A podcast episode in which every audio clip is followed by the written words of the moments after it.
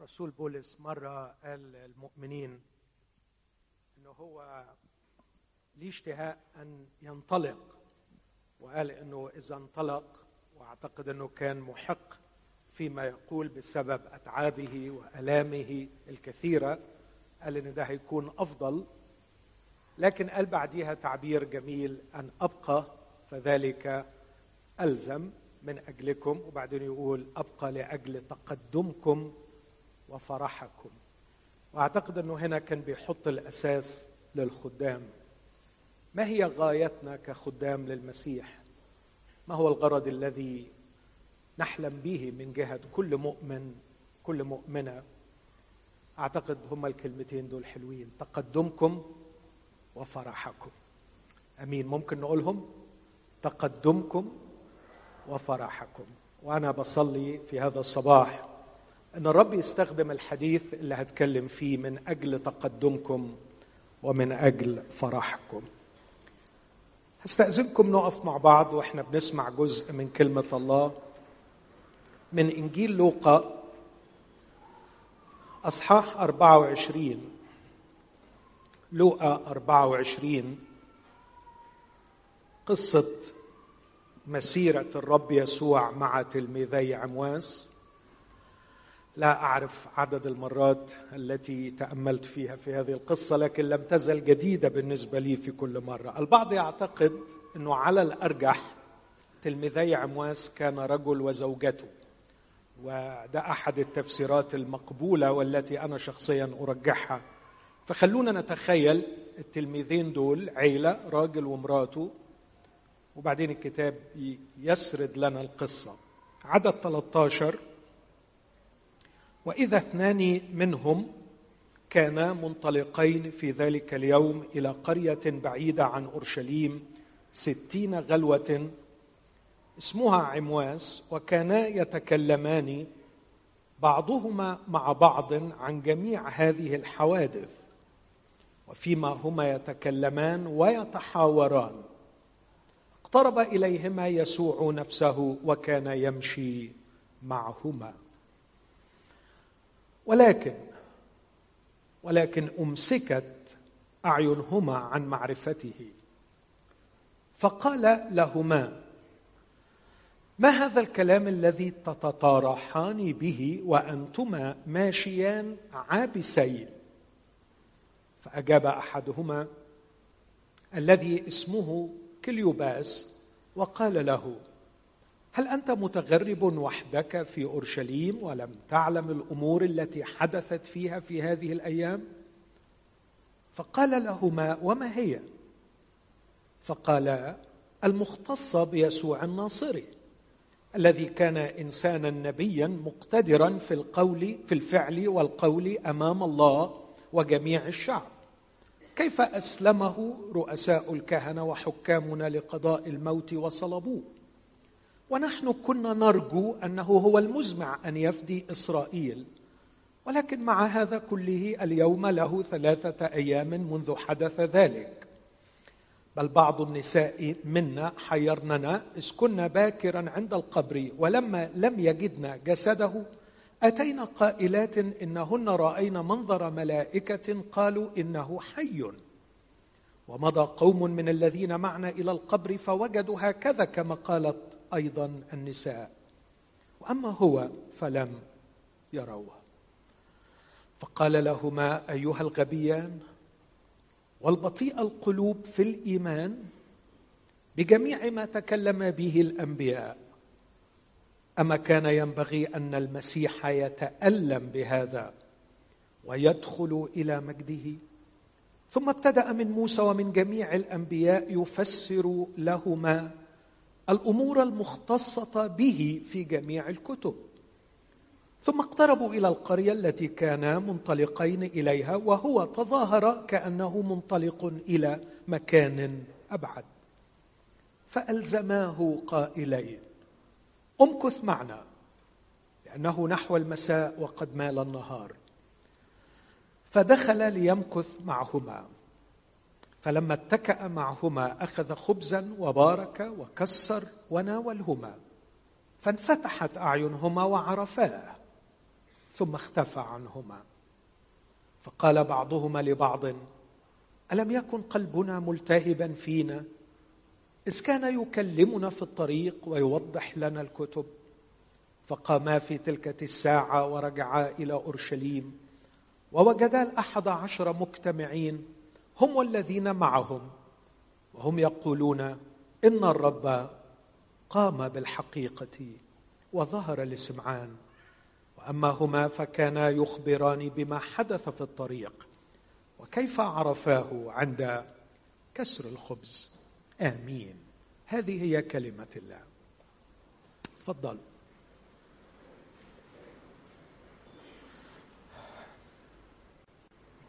المشهد اللي قدامنا مشهد اثنين من تلاميذ يسوع ماشيين مع بعض في حالة من الكآبة الكآبة الداخلية التي نضحت على الخارج عبوسه في الوجه.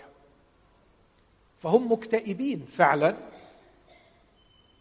وعابسين. وهم في حالة الكآبة والعبوسه اقترب إليهما الرب يسوع نفسه.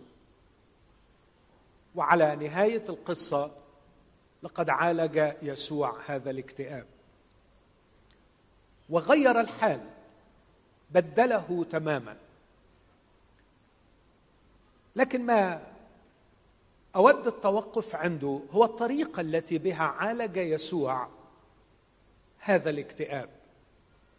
كيف أزال حزنهم وغمهم؟ أقول يا أحبائي لم يتعامل مع اثنين مكتئبين لم يتعامل مع مشاعرهم وأيضا لم يتعامل مع أجسادهم لكنه تعامل مع أفكارهم. لم يأخذهم إلى مكان خلاء ويولم لهم وليمة جميلة تخفف من وطأة الحزن الذي ملأ قلوبهم. أنا أعتقد أنه أحيانا بيكون الذهاب إلى مكان جميل إلى مكان خلاء في شيء من الهدوء والطبيعة الرائعة من الممكن أن يخفف من الحزن. لكن يسوع لم يفعل هذا. وأقول إن يسوع كان قادر لا أن يأخذهم إلى مكان خلاء ليسعدهم كان قادرا أن يذهب بهم إلى السماء الثالثة ليريهم مناظر الرب وإعلاناته وينزل بهم ثانية. لكن المسيح لم يتعامل مع أجسادهم ولم يتعامل مع واقعهم ليغيروا لكنه تعامل مع أفكارهم. أيها الغبيان والبطيء القلوب في الإيمان.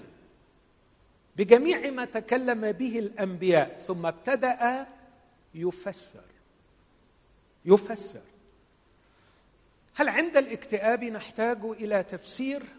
أعتقد أن هذه هي طريقة علاج يسوع المسيح. لكن أقول أيضا لم يتعامل مع مشاعرهم. ما عادش يطبطب عليهم. ما عادش يقول لهم أنا حقيقي متعاطف مع ألمكم وحزين لحزنكم لكن إن شاء الله كل حاجة تكون كويسة وعلى فكرة على الرغم من الحزن اللي أنتم فيه لكن في حاجات إيجابية المفروض إن إحنا نفكر فيها وفي حاجات جميلة حلوة ممكن ننشغل بيها. تطلعكم شوية بلاش ال negative يعني thoughts دي اللي شغله بالكم. تعالوا نفكر في حاجة جميلة و... ويحاول أن يعالج المشاعر. باختصار هذا النموذج اليسوعي الجميل كيف تعامل يسوع مع تلميذين محبوبين لقلبه كانا يعانيان من اكتئاب شديد وعبوسة؟ لم يتعامل مع الجسد لم يتعامل مع المشاعر لكن تعامل مع الفكر مع أن يسوع قادر كلية على أن يتعامل مع الجسد ويغير الواقع أو يتعامل مع المشاعر ويغيرها أيضا. لكن من وجهة نظري تغيير الواقع أو تغيير الظروف التي يمكن أن تؤدي إلى الكآبة أو خلعنا من الظرف الذي نحن فيه قد يهدئ مشاعرنا قد يريحنا من عبء الكآبة لكنه لا يقود إلى نضوجنا لا يقود إلى تغييرنا. لا يساعدنا للاستفادة من الظرف المؤلم الذي سبب الاكتئاب. كذلك التعامل مع المشاعر قد يريحنا لكنه يكون كالمخدر الذي يزول تأثيره بسرعة. فبعد قليل سيعود الشخص الذي تخلص من المشاعر السلبية سيعود مرة أخرى إلى الكآبة لأنه لم يزل يفكر بنفس الطريقة والطريقة لم تعالج عشان كده حديثي في هذا الصباح عن المشاعر. الأفكار في اليوم الواحد يفكر الإنسان بين ستين إلى ثمانين ألف فكرة. فلكم أن تتخيلوا هذا العدد المخيف من الأفكار الذي نفكر فيه. لو خدنا الافرج ده يبقى معناها إنه من 2500 ل 3000 فكرة في الساعة. يعني حوالي 50 فكرة في الدقيقة. يعني تقريبا فكرة كل ثانية. تخيلوا نحن نتعامل مع من 60 إلى 80 ألف فكرة في اليوم. لكن ربما شعور واحد يسيطر علينا. لا أقول يوم بل عدة أيام. وإذا سألت أي شخص أيهما أهم من وجهة نظرك في تحديد مسارات حياتنا أعتقد أنه هيقول لي الأفكار وليس المشاعر. لكن الغريب جدا على الرغم من أهمية الأفكار وكثرة الأفكار بهذا العدد المخيف إلا أننا لا نتوقف عندها كما نتوقف عند المشاعر. فشعور واحد بالقلق شعور واحد بالعبوسة أو الكآبة. شعور واحد بالذنب. قد يسيطر على الإنسان لا ليوم بل ربما لسنوات. ومن هنا إخوتي الأحباء أرى أهمية إيجادة التعامل مع المشاعر. إذا لم نتدرب روحيا على فن إدارة مشاعرنا إذا أقول لم نحترف هذا لا أكتفي بأن نتوقف عند حد الهواية أو حد الممارسة بين الحين والآخر بل لابد أن ندرب أنفسنا أن نحترف نكون محترفين في التعامل مع مشاعرنا. لأننا قد نقضي سنين من أعمارنا ضحايا لشعور واحد. أمر في منتهى الخطورة. أعتقد أنه من الحري أن ننتبه إليه بشدة. أكيد مش هقدر أغطي موضوع المشاعر في وعظة ولا حتى عشر عظات لكن هحاول أشارك ببعض الأفكار. مش عارف أقدر أعمل إيه علشان أقنعكم بأهمية احتراف إدارة المشاعر بشكل صحيح. امرأة معذبة تسع سنين. لأنها أخطأت في حق رجلها. ارتكبت خيانة. والحل المسيحي في هذه الظروف لأنها مؤمنة يقينا ستشعر بالذنب المروع وتحتاج أن تعترف. لكي ما تبرأ من الشعور بالذنب. لأن الكتاب علمنا أن من يكتم خطاياه لا ينجح. لكن من يقر بها ويتركها يرحم. لم تقر بها لم تعترف بها. وظلت تحتضن شعورا مروعا بالذنب. كانت النتيجة. جواها مقتنعة إنها وحشة. اجلي مش طايقة نفسها. لكن يأتي زوجها بمحبة ليحتضنها. ويأتي أطفالها ليمدحوها فهي ماما أجمل ماما. وزوجها يراها زوجة جميلة يحبها. لكن على الفور يصطدم بعنف. هذا الإقبال من الزوج أو من الأولاد مع شعورها العميق بأنها قبيحة في الداخل. ماذا تفعل؟ تدفعهم بعيدا عنها. أنا وحشة. لا تضيفوا إلى ألمي ألما. لا أريدكم أن تظنوا أني جميلة وأنا في الداخل قبيحة. ابعدوا عني. ولكي أقنعكم إني وحشة هبقى وحشة. فتفعل كل شيء رديء لكي تبعدهم عنها لكي لا تكون مخادعة لكي لا تصدر لهم فكرة زائفة أنها جميلة بينما ترى نفسها قبيحة. فتفعل أشياء غبية للغاية لكي توصل إليهم.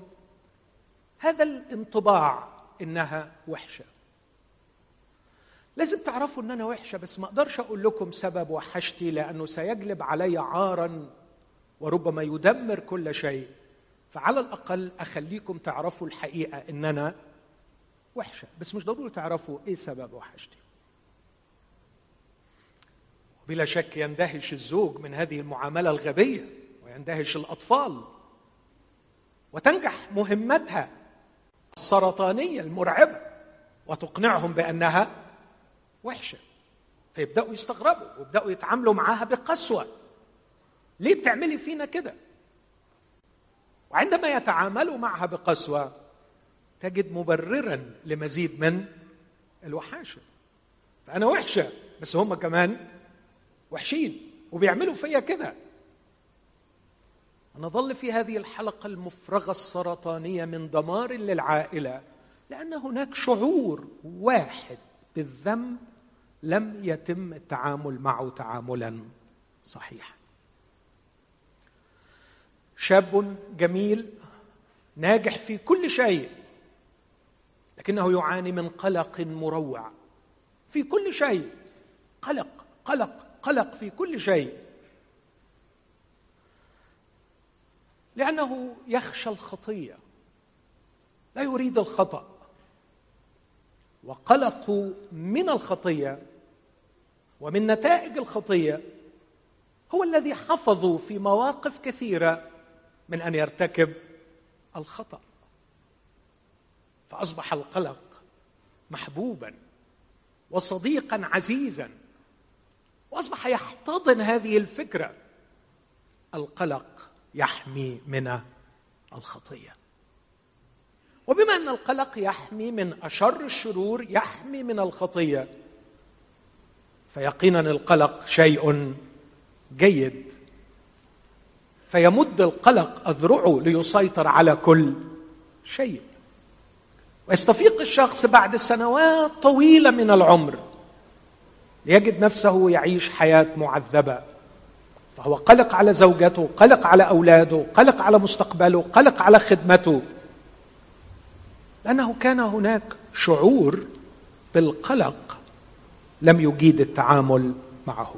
كان يحتاج أن يدرك أن النعمة هي التي تحمي من الخطية وليس القلق.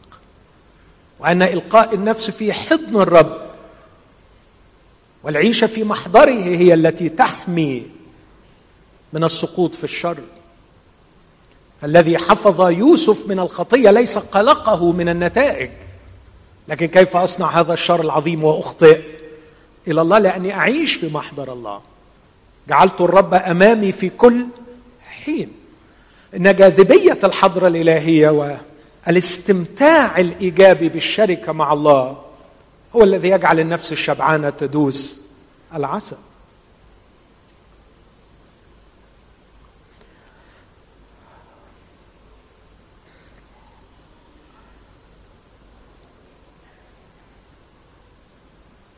يعوزني الوقت أن أذكر أمثلة كثيرة تؤكد أن عدم التعامل الصحيح مع شعور واحد قد يدمر الحياة. لكن أكتفي بهذه المقدمة وأرجو أن تكون الفكرة وصلت. خلوني أقول بعض الأفكار عن المشاعر وبعدين أشوف إزاي نتواصل مع كلمة الله من جهتها. حقيقة مؤكدة ليست نظرية لكن حقيقة مؤكدة. المشاعر تعتمد كلية على تفسيرنا للواقع. ما فيش شعور جوايا لم تسبقه عملية قراءة للواقع وتفسير له. هكتفي بتفسير للواقع. مخ مخنا شغال أو عقلنا بلغة أدق طول الوقت يفسر الواقع يفسر الواقع. وبالتالي فمشاعرنا هي دليلنا دليلنا إلى حقيقة وطبيعة عقلنا الذي نفسر به الواقع. أحيانا تكون منفصلة تماما عن الواقع الذي تفسره. فنحن نتعامل وأرجو أن دي نحط تحتها 30 40 خط نحن لا نتعامل مع الواقع لكن نحن نتعامل مع تفسيرنا للواقع مع قراءتنا للواقع. أتمنى إن الفكرة دي تاخذ حيز من الاهتمام لسبب بسيط لأننا لأنك لست الله. الوحيد الذي يرى الواقع كما هو هو الله. لكننا نرى كل الأمور في مرآة في لغز. هكذا قال بولس. بولس بيقول نحن الآن نعرف بعض معرفة نعلم بعض العلم. لماذا؟ لأننا في الحقيقة ليس لدينا القدرة التي تخترق الواقع لترى كما هو. الوحيد الذي يرى الواقع كما هو هو فاحص القلوب. هو الله. أكثر من مرة في العهد القديم والجديد يصف عيني الله كلهيب نار. مش معناه إنه متغاظ ولا بيخوف. لكن لما يقول عينيه كلهيب نار لماذا؟ علشان عايز يقول أن النار هي العنصر الوحيد في الطبيعة الذي يحلل الأشياء إلى عناصرها الأصيلة. ادخل الشيء في النار عندما تحرقه النار تصل به إلى عناصره الأصيلة تصل به إلى الرماد. عيني الله فقط هي التي تصل إلى حقيقة الأشياء. أنا لست الله ولهذا أنا لا أرى الواقع. دعونا يا إخوتي نتوب عن خطية كبرياء الثقة في أننا نرى الواقع.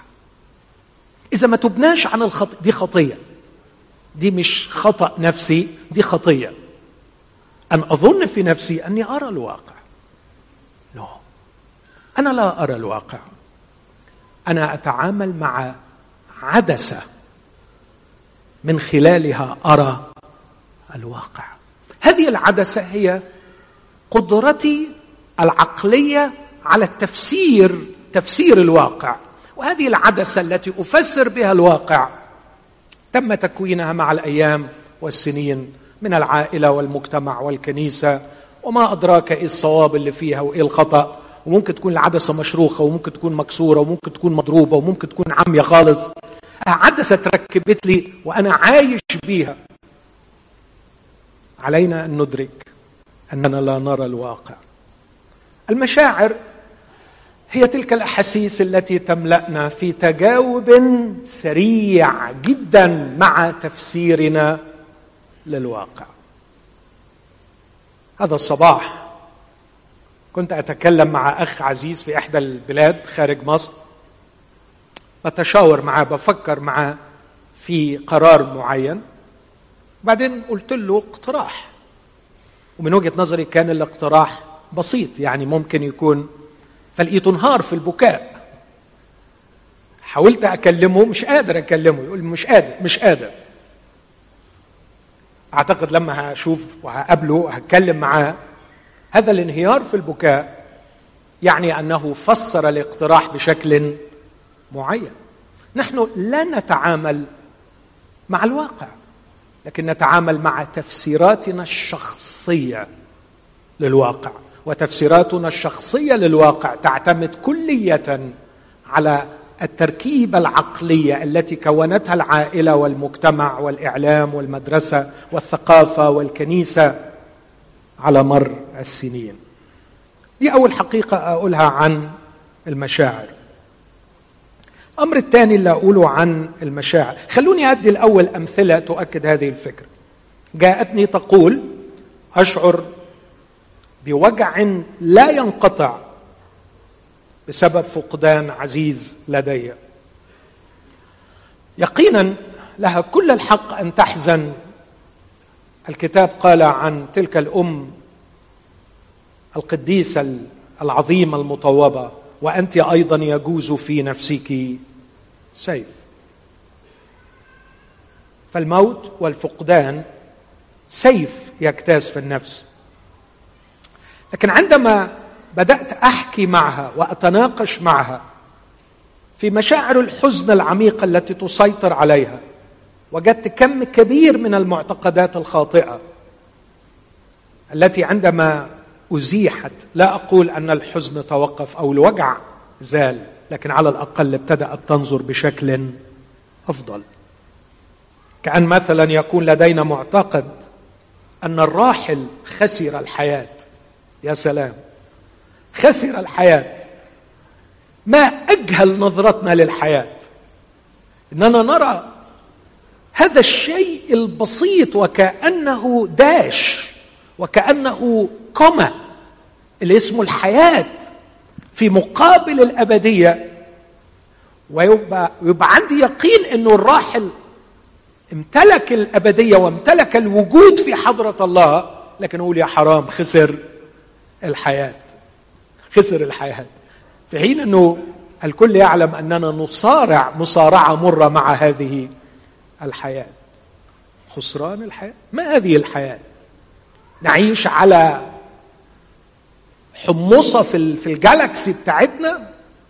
كوكب كحبة رمل في وسط هذا الكون الرهيب. وهذا الكون الرهيب المادي هو مجرد جزء مما لا يرى. فالله خلق ما لا يرى وخلق ما يرى ونحن نعيش في جزء ضئيل فيما يرى. ما اروع العالم الذي لا يرى؟ مملوء بيسوع المسيح والملائكة والقديسين وأرواح الأبرار وهناك نشاط وهناك وهناك وهناك. قد نتصور أنهم هناك في حالة من الحرمان من النشاط معتقد خاطئ من جهة الأبدية. وهكذا يعوزني الوقت. يتصورون أنهم هناك في حالة عزلة. أحيانا نتصور أيضا أنهم لما نقول أرواح هناك يعني هوى. فلعازر في حضن إبراهيم يعني هوى في حضن هوى كده. حاجة كده ملهاش عندما يقول في حضن إبراهيم هذا يعني أن لعازر كان يستشعر شيئا كان يتحاور في شيء كان يتكلم في شيء. عندما يقول أنهم هناك يتعزون هذا يعني أنهم يفكرون ويبدعون ويتخيلون ويسافرون ويرحلون وينتجون ويثمرون. انهم ليس في حالة كسل أبدي. ده مجرد مثال بس عايز أقول عندما نغير نظرتنا أو نغير معتقداتنا من جهة من نفقدهم أعتقد أن مشاعرنا من الممكن أن تتغير. أنا منجذب بشدة لهذه الفتاة أو لهذا الشاب. المشاعر هنا خليط من الفكر أني وحيد وأني بارتباطي بهذا الشخص سأكتمل اكذوبه عليك أن تراجعها. نحن نحتاج إلى الاكتمال لكن علينا أن نبحث عن المصدر الحقيقي لحالة الاكتمال. وعلينا أن نميز بين غرض الزواج التصاق بشريك حياة وغرض الرجوع إلى الله الالتصاق بالله نفسه. لكن النقطة الثانية أو أقول مثل أخير أنا محبط. كنت أتوقع تقدير معين من فلان لم يحدث. والسؤال الذي أسأله لماذا أتوقع هذا التقدير؟ ثم هل فعلت هذا الشيء مع هذا الشخص من أجل التقدير؟ أم أني فعلته لأنه ينبغي ويجب أن يفعل؟ ثم هل ما فعلته فعلا يستحق التقدير؟ ثم التقدير من جانب الآخر لما فعلته يعتمد على عمره على حالته على إمكانياته على الظروف التي كان فيها. فهل وضعت هذا في الحسبان؟ كل هذا يجعلني أقول وأؤكد أن المشاعر تعتمد كلية على تفسيرنا للواقع وتفسيرنا للواقع يعتمد على تركيبتنا العقلية التي لم لم نكونها نحن لكن كونها لنا المجتمع والكنيسة وربما شاركنا فيها بشكل أو بآخر. بناء على ما سبق أقول المشاعر ليس فيها صواب وخطأ. المشاعر ليست كالحقائق. ما أقدرش أقول ده شعور صح وده شعور غلط. ودي يمكن تاني حاجة نحتاج نتعلمها. ما أقدرش أقول الشعور ده صح والشعور ده غلط. مشاعر لا يحكم فيها بالصواب والخطأ. لكن الأسئلة التي ينبغي أن تطرح هو هل قراءتي وتفسيري للواقع صواب أم خطأ؟ مشاعرك ستتبع تفسيرك والمشاعر حسيس نعمة من الله. بدونها تصبح الحياة ماشينز بدونها نفقد إنسانيتنا. لكن ما ينفعش نحكم على المشاعر بأنها صح وغلط. الاكتئاب صح في موقف معين. والفرح خطأ في موقف آخر. ما أقدرش أقول بصفة عامة الاكتئاب غلط وبصفة عامة الفرح. صح. ده غباء إني أقول كده. الكتاب يقول إن حزنكم هذا هو بحسب مشيئة الله. طوبى لكم لأنكم حزنتم. لأن الحزن الذي بحسب مشيئة الله ينشئ توبة لخلاص بلا ندامة. والكتاب يقول إن فرح الفاجر إلى لحظة. بئس الفرح. الكتاب أيضا يقول إن راحة الجهال تبيدهم. فالراحة ما أقدرش أقول عنها الشعور بالراحة ما أقدرش أقول عنها شعور جيد. لأنه من الممكن إذا كانت راحة في جهل يبقى دمار. لو لقيت ابني أمام امتحانات ثقيلة ومهمة ومستمتع بحياته ومرتاح وما بيذاكرش أعتقد إن هذا الاستمتاع استمتاع. خاطئ والراحة هنا خاطئة. لا توجد مشاعر صحيحة ومشاعر خاطئة لكن التفسير الذي سببها قد يكون صحيح وقد يكون خطأ. لا توجد مشاعر صحيحة ينبغي أن نطلبها وإذا جاءت ينبغي أن نحافظ عليها. ولا توجد مشاعر غير صحيحة علينا أن نتخلص منها بسرعة. لكن كمان أقول من جهة هذا ينقسم الناس ثلاث أقسام ده اللي شفتهم في خبرتي. هناك أشخاص يعون جيدا مشاعرهم ويجيدون التعبير عنها. لكن الأهم قادرين على أن يراجعوا تفسيراتهم التي سببت هذه المشاعر وقادرين على تصحيح هذه التفسيرات إن اكتشفوا خطأها. وبالتالي فهم قادرون على التحكم في مشاعرهم وإدارتها بشكل جيد. هؤلاء ناضجين وجدانيا فكريا وروحيا. لكن فئة ثانية أشخاص يعون مشاعرهم لديهم وعي بمشاعرهم ويجيدون التعبير عنها. لكن ليس لديهم القدرة على اكتشاف تفسيرهم للواقع. الذي سبب هذه المشاعر.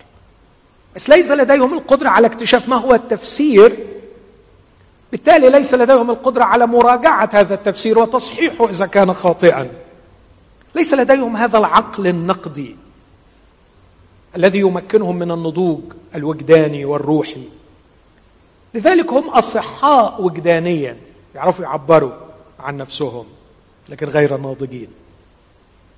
لكن هناك أشخاص يقررون يعملوا الديسيجنز بتاعتهم يقررون ويعملون.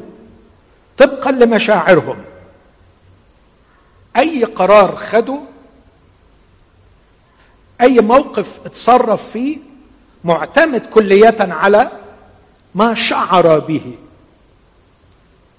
اسمحوا لي أقول هؤلاء كائنات عشوائية. لن تحقق الغرض أو المعنى في الحياة بل يدمرون أنفسهم ومن حولهم. إيه الحل؟ إيه اللي نقدر نعمله؟ هقول بعض النقط بسرعة اللي ربما تساعدنا. علينا اولا أن نتعود على التعبير عن مشاعرنا بالكلام مع الله ومع الناس. دي أول وصية أقدمها في هذا الصباح. علينا أن نتعود على التعبير عن مشاعرنا بالكلام. كنت أقرأ في مرجع النهارده الصبح عن المشاعر فواحد بيقول ملحد مش مسيحي كتاب أكاديمي لكن بيقول إن الدروينية أطاحت بنا بعيدا عن الحقيقة عندما أقنعتنا أننا لسنا إلا مجرد حيوانات تطورت. فعندما يجرون تجاربهم على الحيوانات للأسف يستخلصون نفس النتائج ويطبقونها على البشر. بعدين هو الكاتب الأكاديمي ده بيقول كتاب 900 صفحة بيقول وقد نسوا أن الإنسان يختلف كليه عن الحيوان لأن لديه القدرة على النطق والتعبير عن مشاعره. وهذا يجعل هناك هو عظيمة بين الإنسان والحيوان لا تعبر. لماذا لا نستغل هذه النعمة؟ لماذا لا نستغل هذه العطية من الله؟ تكلموا. هذه القصة التي قرأتها يا أحبائي على مسامعكم قصة من وجهة نظري من أروع القصص التي لا أعتقد أن قلم مبدع يمكن أن يبدعها كرواية لكنها حقيقة قد حدثت. أجمل كلمة عن الاثنين دول المكتئبين.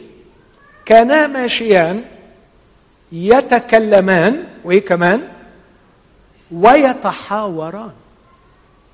والرب لما قابلهم وأنا متأكد إنه كان مستمتع جدا بالاقتراب إليهم وهو يسمعهم. ما هذا الكلام الذي تتطارحان. كل واحد عمال يطرح طرحه. يعبر ويطرح ويستمع للآخر. ثم يحاور. إخوتي لماذا أصبحت أجسادنا وكيمياء أجسادنا أكثر نشاطا من عقولنا وألسنتنا؟ بقينا أحيانا نعبر بالجسد فنهبد الباب أو ننسحب. أو أدخل تحت اللحاف أو أفصل بدلا من أن أتكلم. ولو أحيانا بقى توصل إن أنا أضرب. نتحول إلى الحيوانية في أبشع صورها. لماذا؟ لماذا نستخدم أجسادنا ونستسلم لكيمياء أجسادنا ولدينا هذه النعمة العظيمة أننا نستطيع أن نفكر ونتكلم؟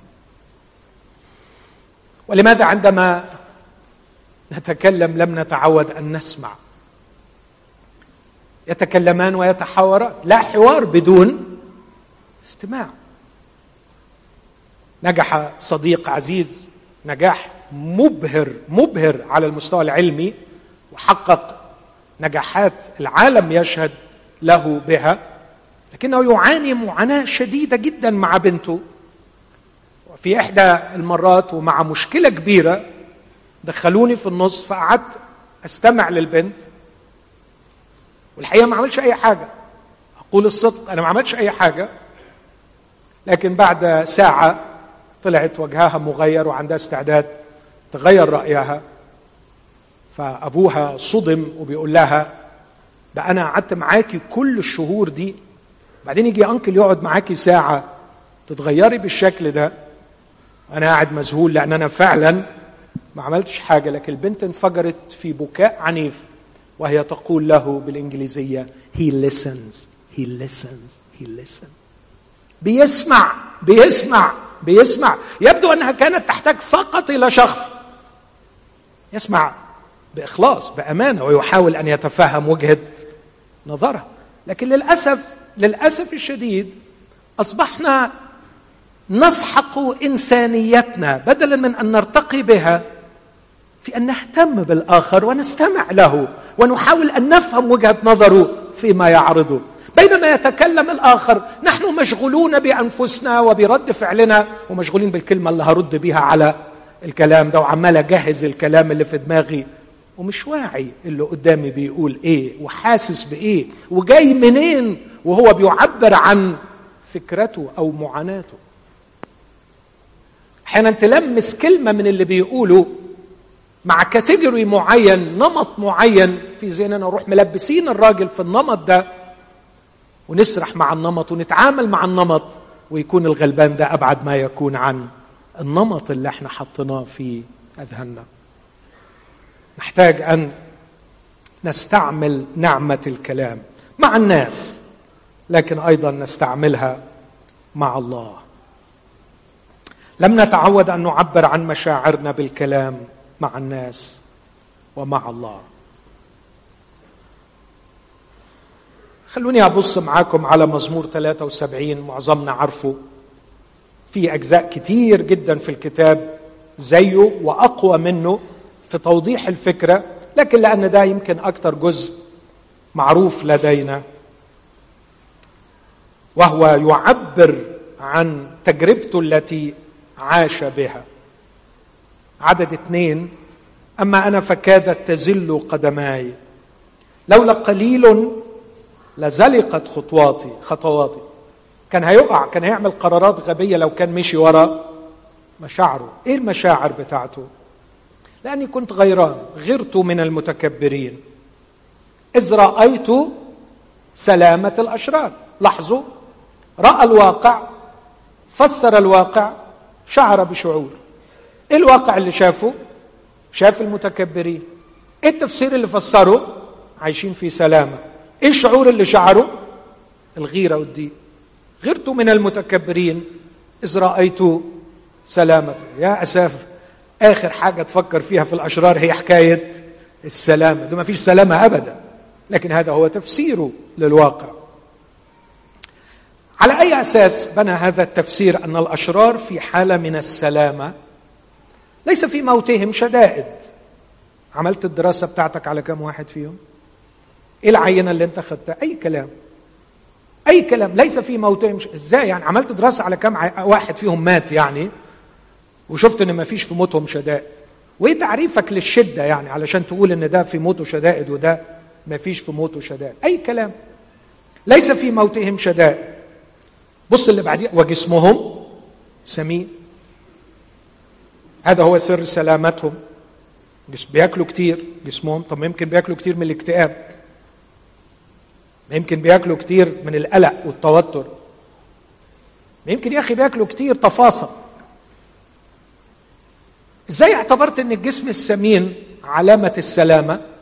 المجتمع. المجتمع حواليه. ليسوا في تعب الناس. يا ومع البشر ليه هم حيوانات؟ يعني مع البشر لا يصابون. حاول حاول تتخيل وتشوف التصاعد المرعب في التفسير الخاطئ. مع البشر ليه هم مش بشر؟ عينة تاني من البشر. ده انت بتقول عليهم أشرار. مع البشر لا يصابون.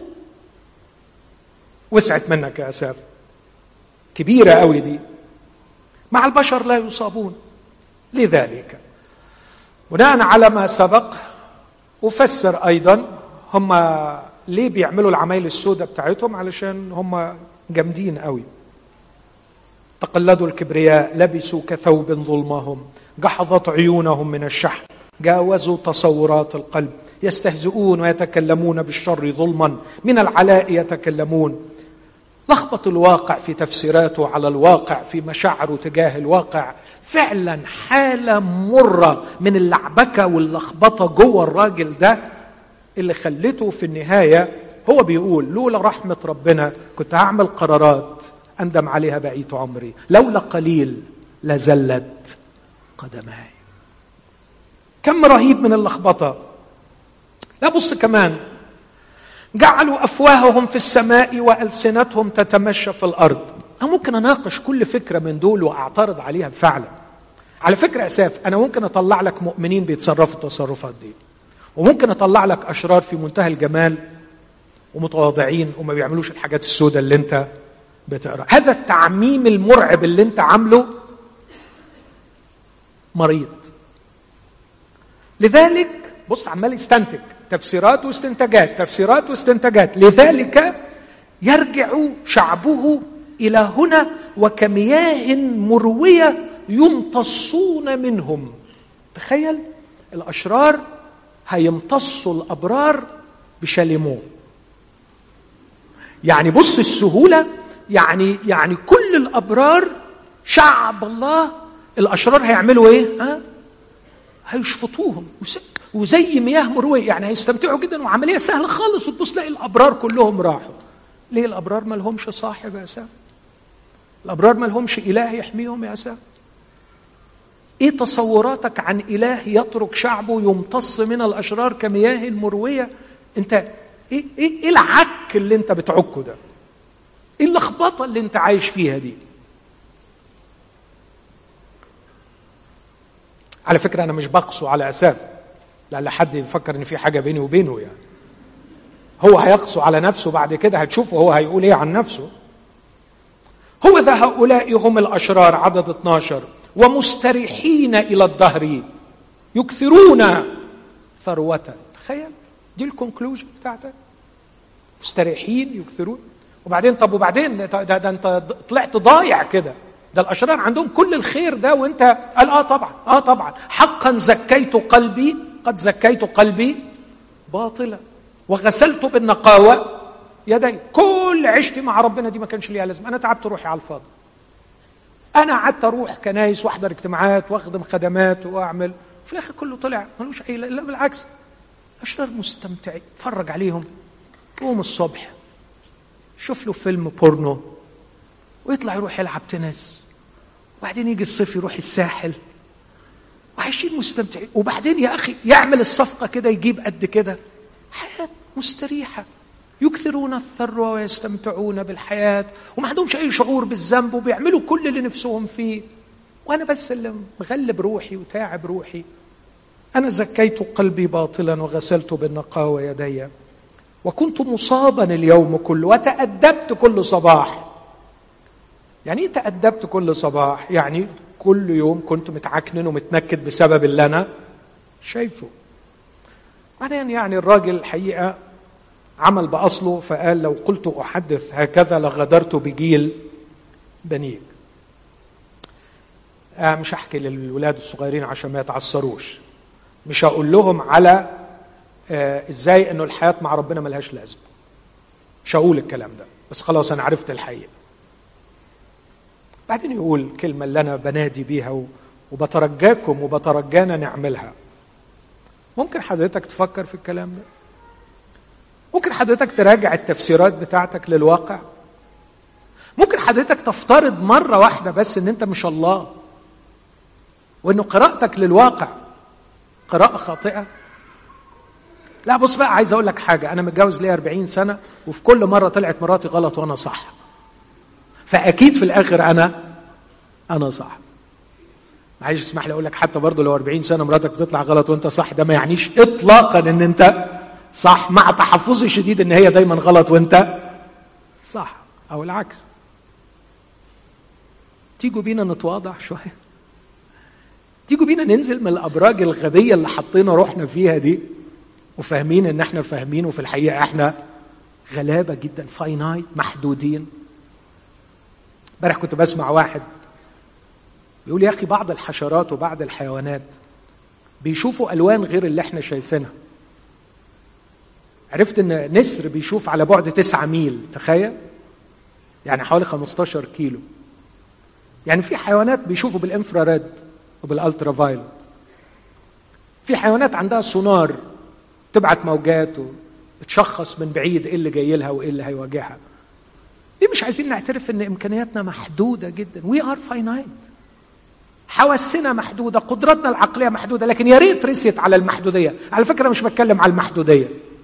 أنا بتكلم على الخيبة القوية اللي اتعملت فينا بسبب المجتمع اللي نشأنا فيه اللي كون لنا عقول بتفسر بطريقة خاطئة.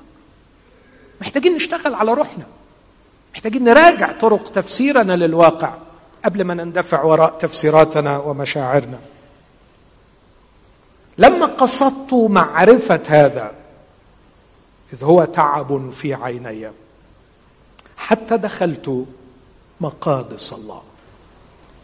وانتبهت إلى آخرتهم.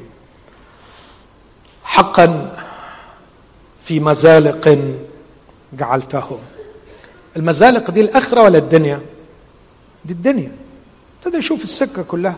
دول عايشين في مزاق يعني ابتدى يشوفهم بيتزحلقوا ناحية الهاوية وهو كان فاكر إن هم عايشين في نعيم. اسقطتهم إلى البوار. كيف صاروا للخراب بغتة؟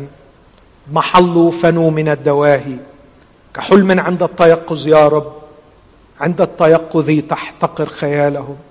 لأنه تمرمر قلبي وانتخست في كليتي وأنا بليد. لو حد زعل من كلامي القاسي شوية اللي فات بص هو بيقول إيه هنا؟ أنا بليد ولا أعرف صرت كبهيم عندك.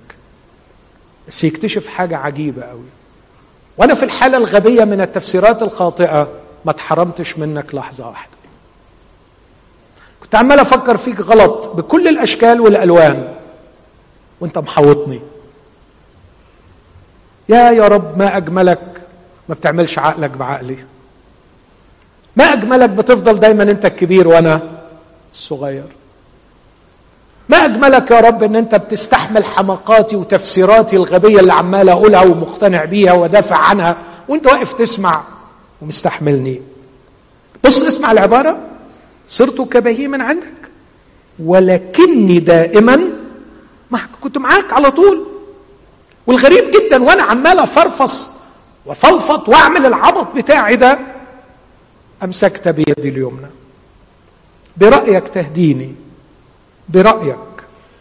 أجمل كلمة في المزمور ده. برأيك. تهديني. أسمع رأيك. واصلح بيه رأيي.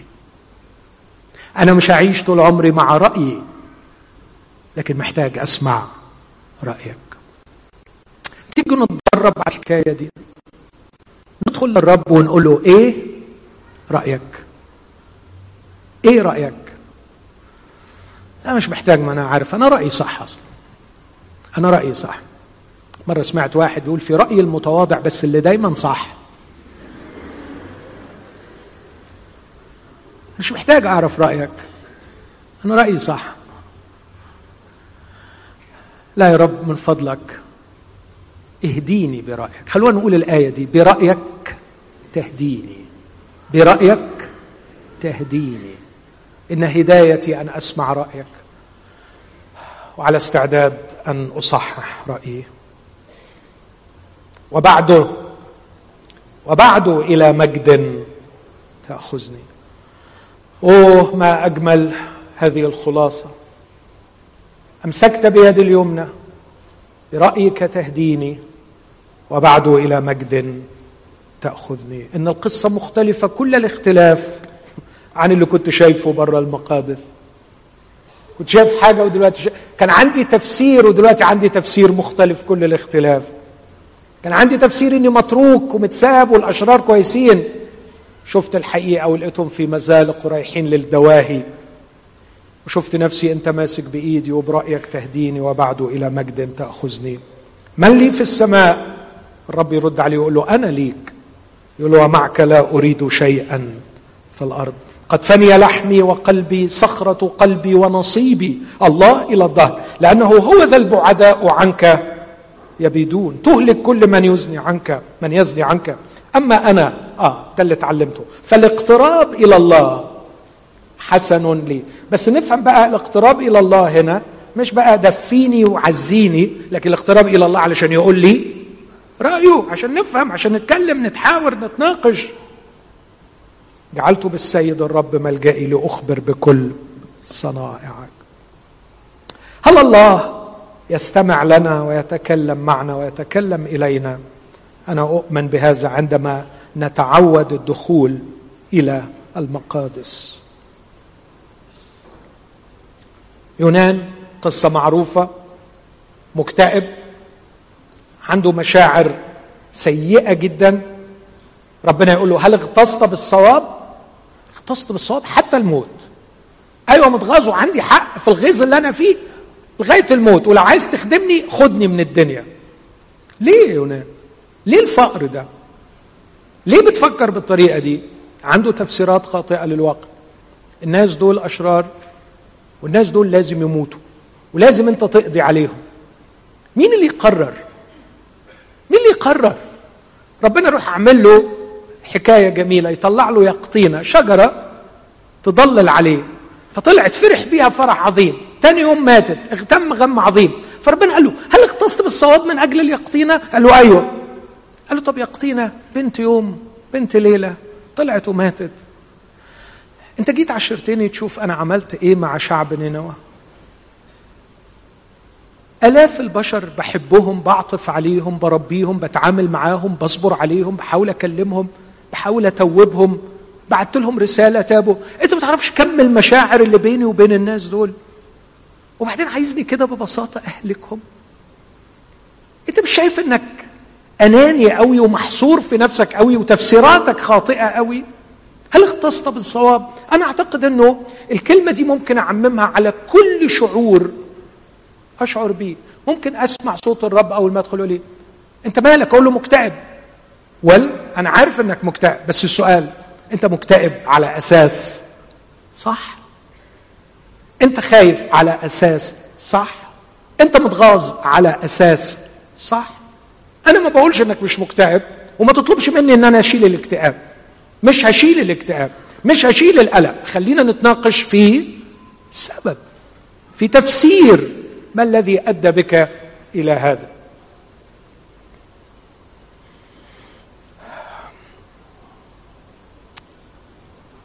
هقول الأفكار دي بسرعة شديدة للغاية علشان الوقت خلص. عدم التعود على التعبير عن مشاعرنا بالكلام مع الناس ومع الله. عدم التعود على فحص تفسيراتنا الكامنة وراء مشاعرنا ومراجعتها.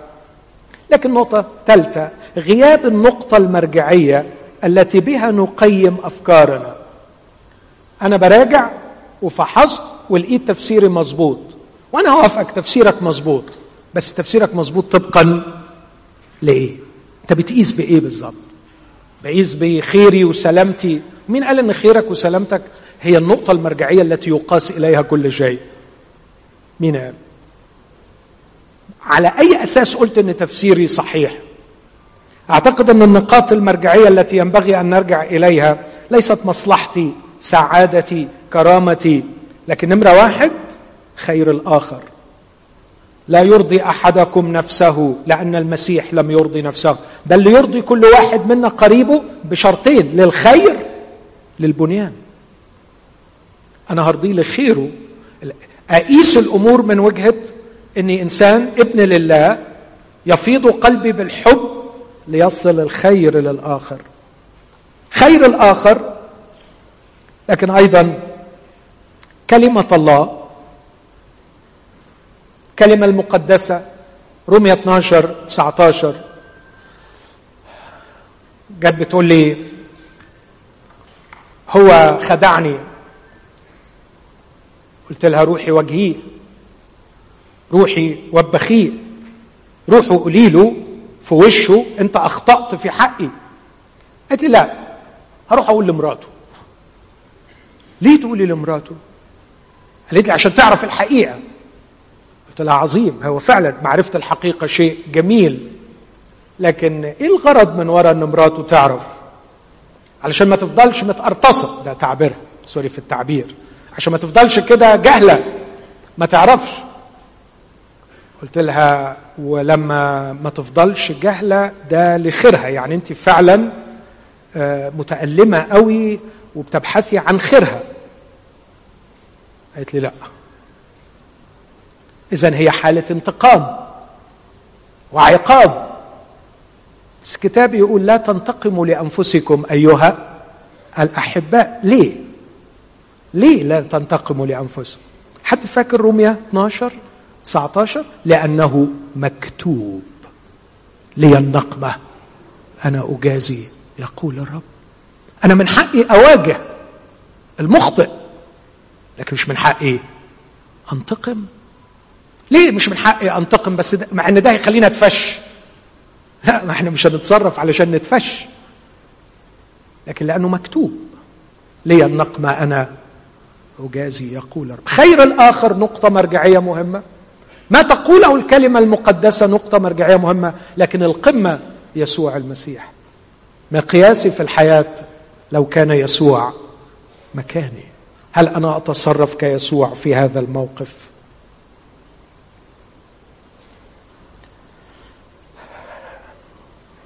النقطة الأخيرة غياب المجتمع الصغير الآمن للحوار. نحتاج إلى تلك المجتمعات الصغيرة الآمنة التي نتدرب فيها على تعبير عن مشاعرنا. نخرج ما بداخلنا وأنتظر تصحيح الآخرين لي. سؤال أخير كيف يتعامل الله مع مشاعرنا؟ وكيف نتعامل نحن مع الله؟ عندما تملأنا المشاعر السلبية أو المشاعر الناتجة عن تفسيرات سلبية. خلونا أقول أحبائي عندما نشعر بأن الله غير موجود دعونا لا نصدق هذا الشعور فهو شعور مبني على تفسير خاطئ للواقع. لو جمعت مئة ألف مؤمن حول صليب يسوع المسيح أكيد كلهم هيقولوا الله غير موجود. البار متروك. البار يتألم. الظلم يسود. فين الله؟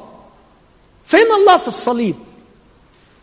فين الله وهو يخلي الخيانة تنجح؟ والحسد ينجح؟ والشهادة الزور تنجح؟ والكذب ينجح؟ والظلم ينجح؟ والبار عمال يتألم بهذا الشكل. لا تعرف تزيد الطينة بل؟ ده إحنا سمعناه بودننا بيقول إلهي إلهي. لماذا تركتني فين الله؟ الصمت رهيب. صمت السماء مروع. والله منسحب. والظلمة تغطي الأرض. والبار يظلم. الاستنتاجات الناتجة عن تفسير لهذا الواقع الله مش موجود. عايز أقول لك على حاجة عايز أقول لك على حاجة. الله ما كانش طول تاريخه اكتف إيجابي عامل زي ما كان في الصليب. كان ينجز أعظم أعظم أعظم أعماله في الست ساعات دول. العمل اللي هيتصالح به السماوات والأرض ويخلص به الملايين كان يضع أساس أعظم عمل في الوقت اللي قراءتنا إحنا من بره تقول الله غير موجود. سفر أستير يؤكد نفس الفكرة. شعور بأنه مليني شعور إنه ما بيستجيبش صلاتي. تعبت تعبت وزهقت عمال أصلي عمال أصلي وهو مش سائل. على فكرة يوسف أكتر واحد صلى وربنا ما استجابش صلاته. بس هو أكتر واحد اتقال عنه في الكتاب كان الرب مع يوسف. وهو اللي اتقال عنه إنه كان رجلا. ناجح. احمد ربنا إنه ما استجابش صلاته كونه لا يستجيب صلاتك هذا لا يعني أنه ليس معك. وكونه لا يستجيب صلاتك هذا لا يعني أنك لن تنجح. بل بالعكس سيكون معك بشكل أعمق. عليك أن تكتشفه وستكون ناجحا بشكل أدق. وعليك أن تفهم هذا.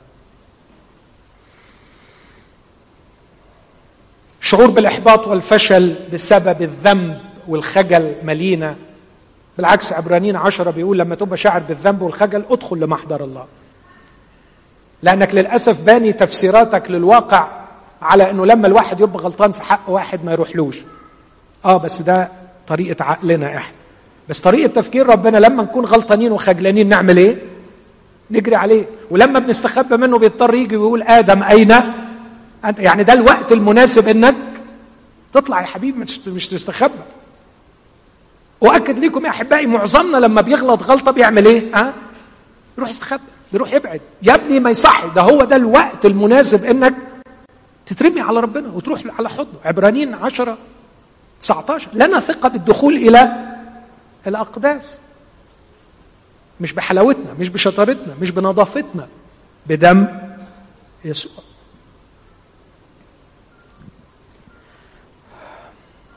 الله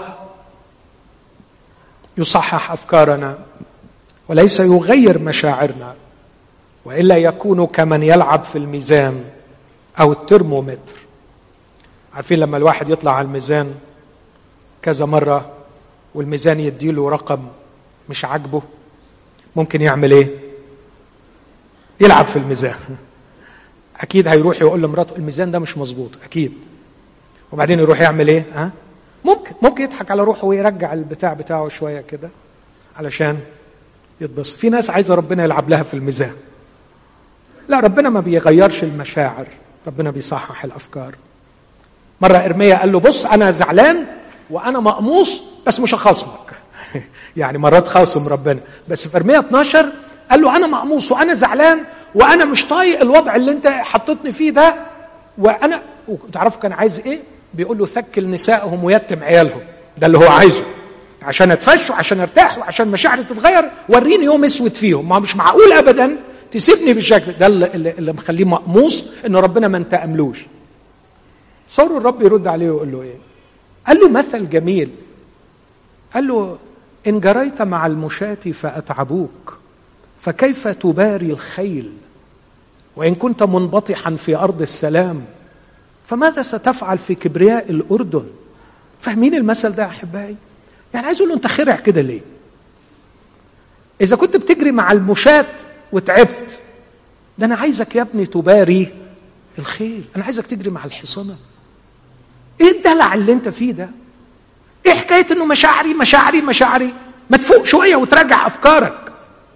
أريدك أن تباري الخيل وأريدك أن تعمل في كبرياء الأردن كف عن الطفولة وودعها. انشف اجمد قوم صحح أفكارك. فكر زي ما أنا بفكر. بلاش دلع الأطفال.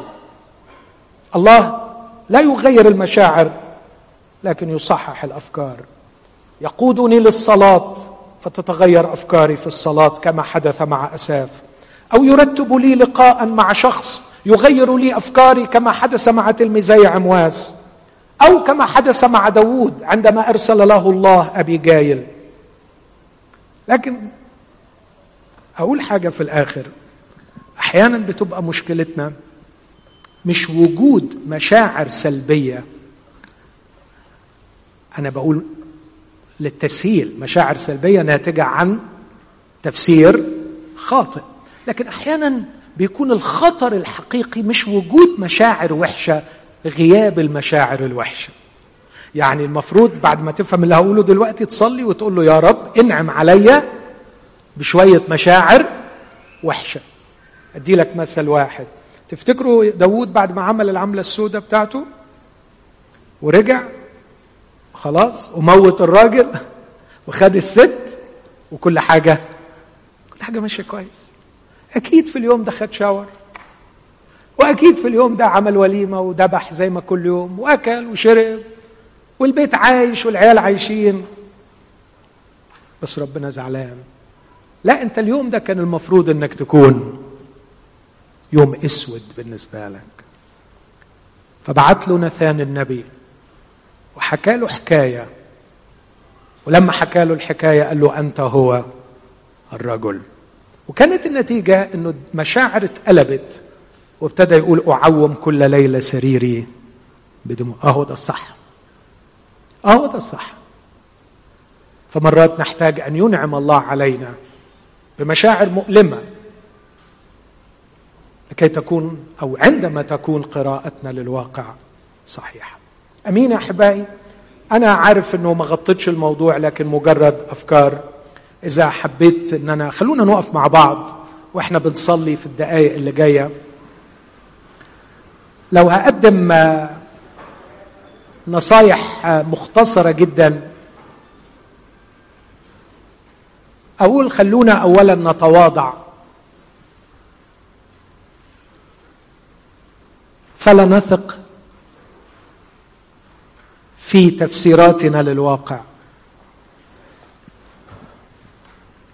كل لحظة أنت بتتعامل مع مشاعرك على الرغم من أنه في ستين ألف فكرة في اليوم لكن لا تتلامس مع أفكارك بقدر ما تتلامس مع مشاعرك. عايزين نغير دي شوية ويكون لنا تلامس مع أفكارنا. فيما أفكر. دي أول حاجة أنا شخصيا هصلي بيها النهاردة. يا رب علمني. في كل مرة أشعر شعور معين. أتدرب كيف أراجع نفسي. وأكتشف تفسيراتي للواقع. إذا كانت تفسيراتي صحيحة ولي حق إني أكون متألم. ألقي بنفسي في حضنه. إذا كانت تفسيراتي خاطئة.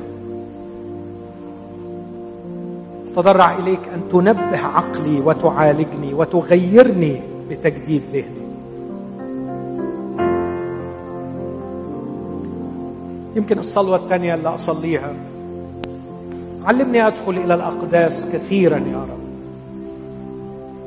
علمني لا أطيل البقاء كأساف مستسلما لاستنتاجاتي. علمني لا أندفع كيونان. هبني يا رب هذا الهدوء في محضرك.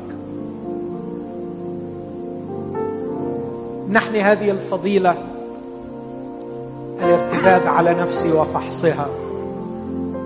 مراجعة عقلي واكتشاف أخطاء في محضرك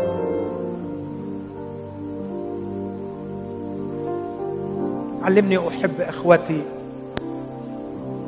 وأستثمر أستثمر أبذل أضحي ألتزم بلقائي معهم. كي يكون لي مجتمع آمن أعبر فيه عن مشاعري وأقبل تصحيحهم لي.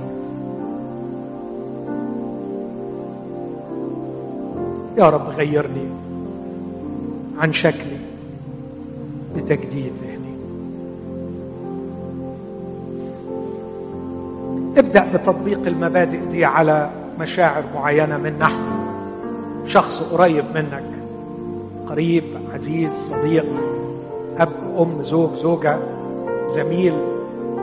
اعمل خطوات عملية.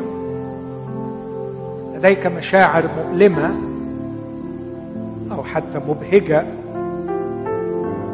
ليكن تفسيرك صحيح للواقع. أتمنى أن يسوع يسيبنا النهارده. زي ما ساب تلميذي عمواس فايقين فايقين من العبوسة والكآبة إذ اكتشفوا خطأ تفسيرهم للواقع. كنا نرجو انه هو المزمع ان يفدي إسرائيل. كنتوا ترجو انه يفدي إسرائيل إزاي؟ الطريقة اللي إحنا متخيلينها. لا على فكرة هو فدى ومش بس إسرائيل فدى العالم كله. بس أنتوا اللي تفسيركم غلط. خلونا نرنم الترنيمة دي مع سامح والفريق. وإحنا فعلا في وقت ندخل فيه إلى الأقداس ونتكلم مع الله.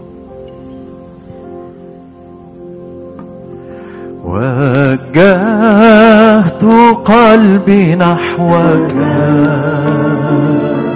يا ساكنا فوق السماء.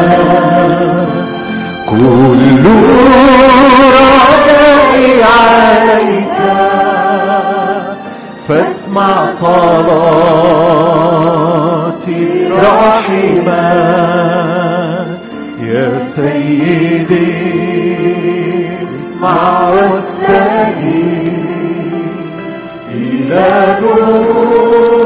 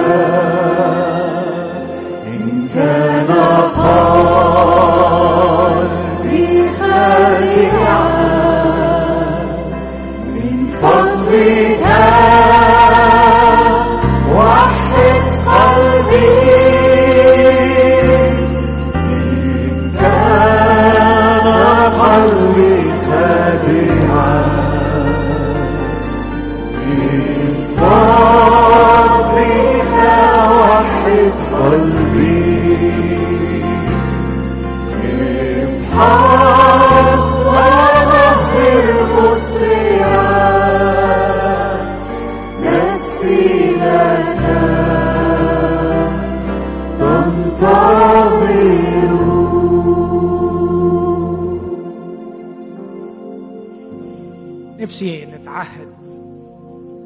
أنا بحب كلمة العهد لأنه كلمة كتابية. نحن نزود وقت قعدتنا مع الرب في خلوتنا.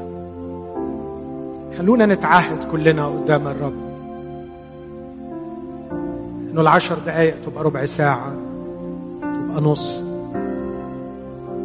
حاول تختلس أوقات بتضيع في الستين ألف فكرة. ديستراكشن اللي شغال طول اليوم. وقت وإحنا بنسوق سياراتنا. في أوقات كتير بتهدر. ممكن فيها نتحدث إلى الله. حول حوارك الداخلي إلى حديث معه. نفسي كمان نتعهد بأنه لما أغلط أجري عليه وأختبئ فيه. عايزين نتدرب على الحكاية دي. لنا ثقة بالدخول إلى الأقداس بدم يسوع. مش بكفاءتي مش لأني حلو. أخطر شيء وأنت غلطان إنك تبعد عنه. خلونا كمان نصلي إنه الثلاث معايير دول يحكمونا في حياتنا. علامة الرقي خير الآخر مصداقية الكلمة جمال يسوع. سيحكمني في كل قرار. خير الآخر مصداقية الكلمة المقدسة وسلطتها على حياتي. جمال يسوع اللي بتغير ونفسي أبقى شبهه. هذا لا يعني إهدار لنفسي. لكن ساعتها هكون نفسي كما يريدني هو هذه قمة الارتقاء للنفس البشرية. أن ما يحكمها هو خير الآخر وسلطة الكلمة وجمال يسوع. مين يتعهد معايا بالأشياء دي؟ أمين بنعمة الرب.